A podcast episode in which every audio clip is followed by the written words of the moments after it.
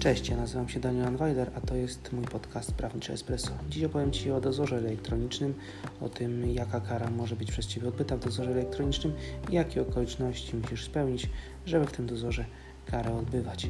Zaczynamy!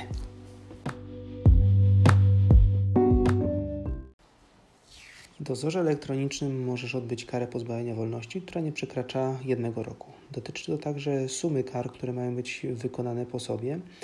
E, to znaczy, że gdy masz do wykonania kilka kar, których e, suma nie przekracza roku, możesz odbyć je wszystkie w dozorze elektronicznym. E, co to znaczy, że kara nie podlega wykonaniu. To na przykładzie, jeżeli masz jedną karę, załóżmy 9 miesięcy i drugą karę roku, ale ta druga kara jest odroczona, no to w tym momencie nie liczy się do tej sumy, czyli te 9 miesięcy możesz odbyć spokojnie w dozorze elektronicznym. Ważne są też warunki techniczne do tego, żeby odbyć karę w dozorze y, elektronicznym. No, po pierwsze, może dość y, proste czy, czy oczywiste, musisz mieć prąd y, w domu. No, bez tego nie da się zamontować urządzenia, które monitoruje Twój pobyt w domu czy też w mieszkaniu, w którym, w którym jesteś i w którym odbywasz dozór elektroniczny.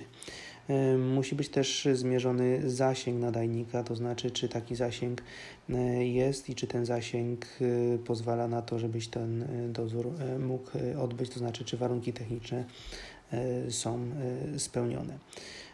Kolejnymi okolicznościami są to okoliczności dotyczące Twojej osoby, to znaczy, że odbywając karę w dozorze elektronicznym pomagasz rodzinie, będziesz na wolności, będziesz mógł pracować, E, łożyć na utrzymanie rodziny, pomagać bliskim. E, ważne jest też, żeby mieć dobrą opinię wśród sąsiadów czy też w środowisku. E, dlatego te okoliczności są ważne do tego, żeby uzyskać dozór elektroniczny.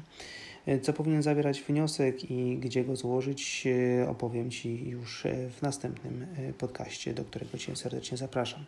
Na dzisiaj to tyle. Pozdrawiam.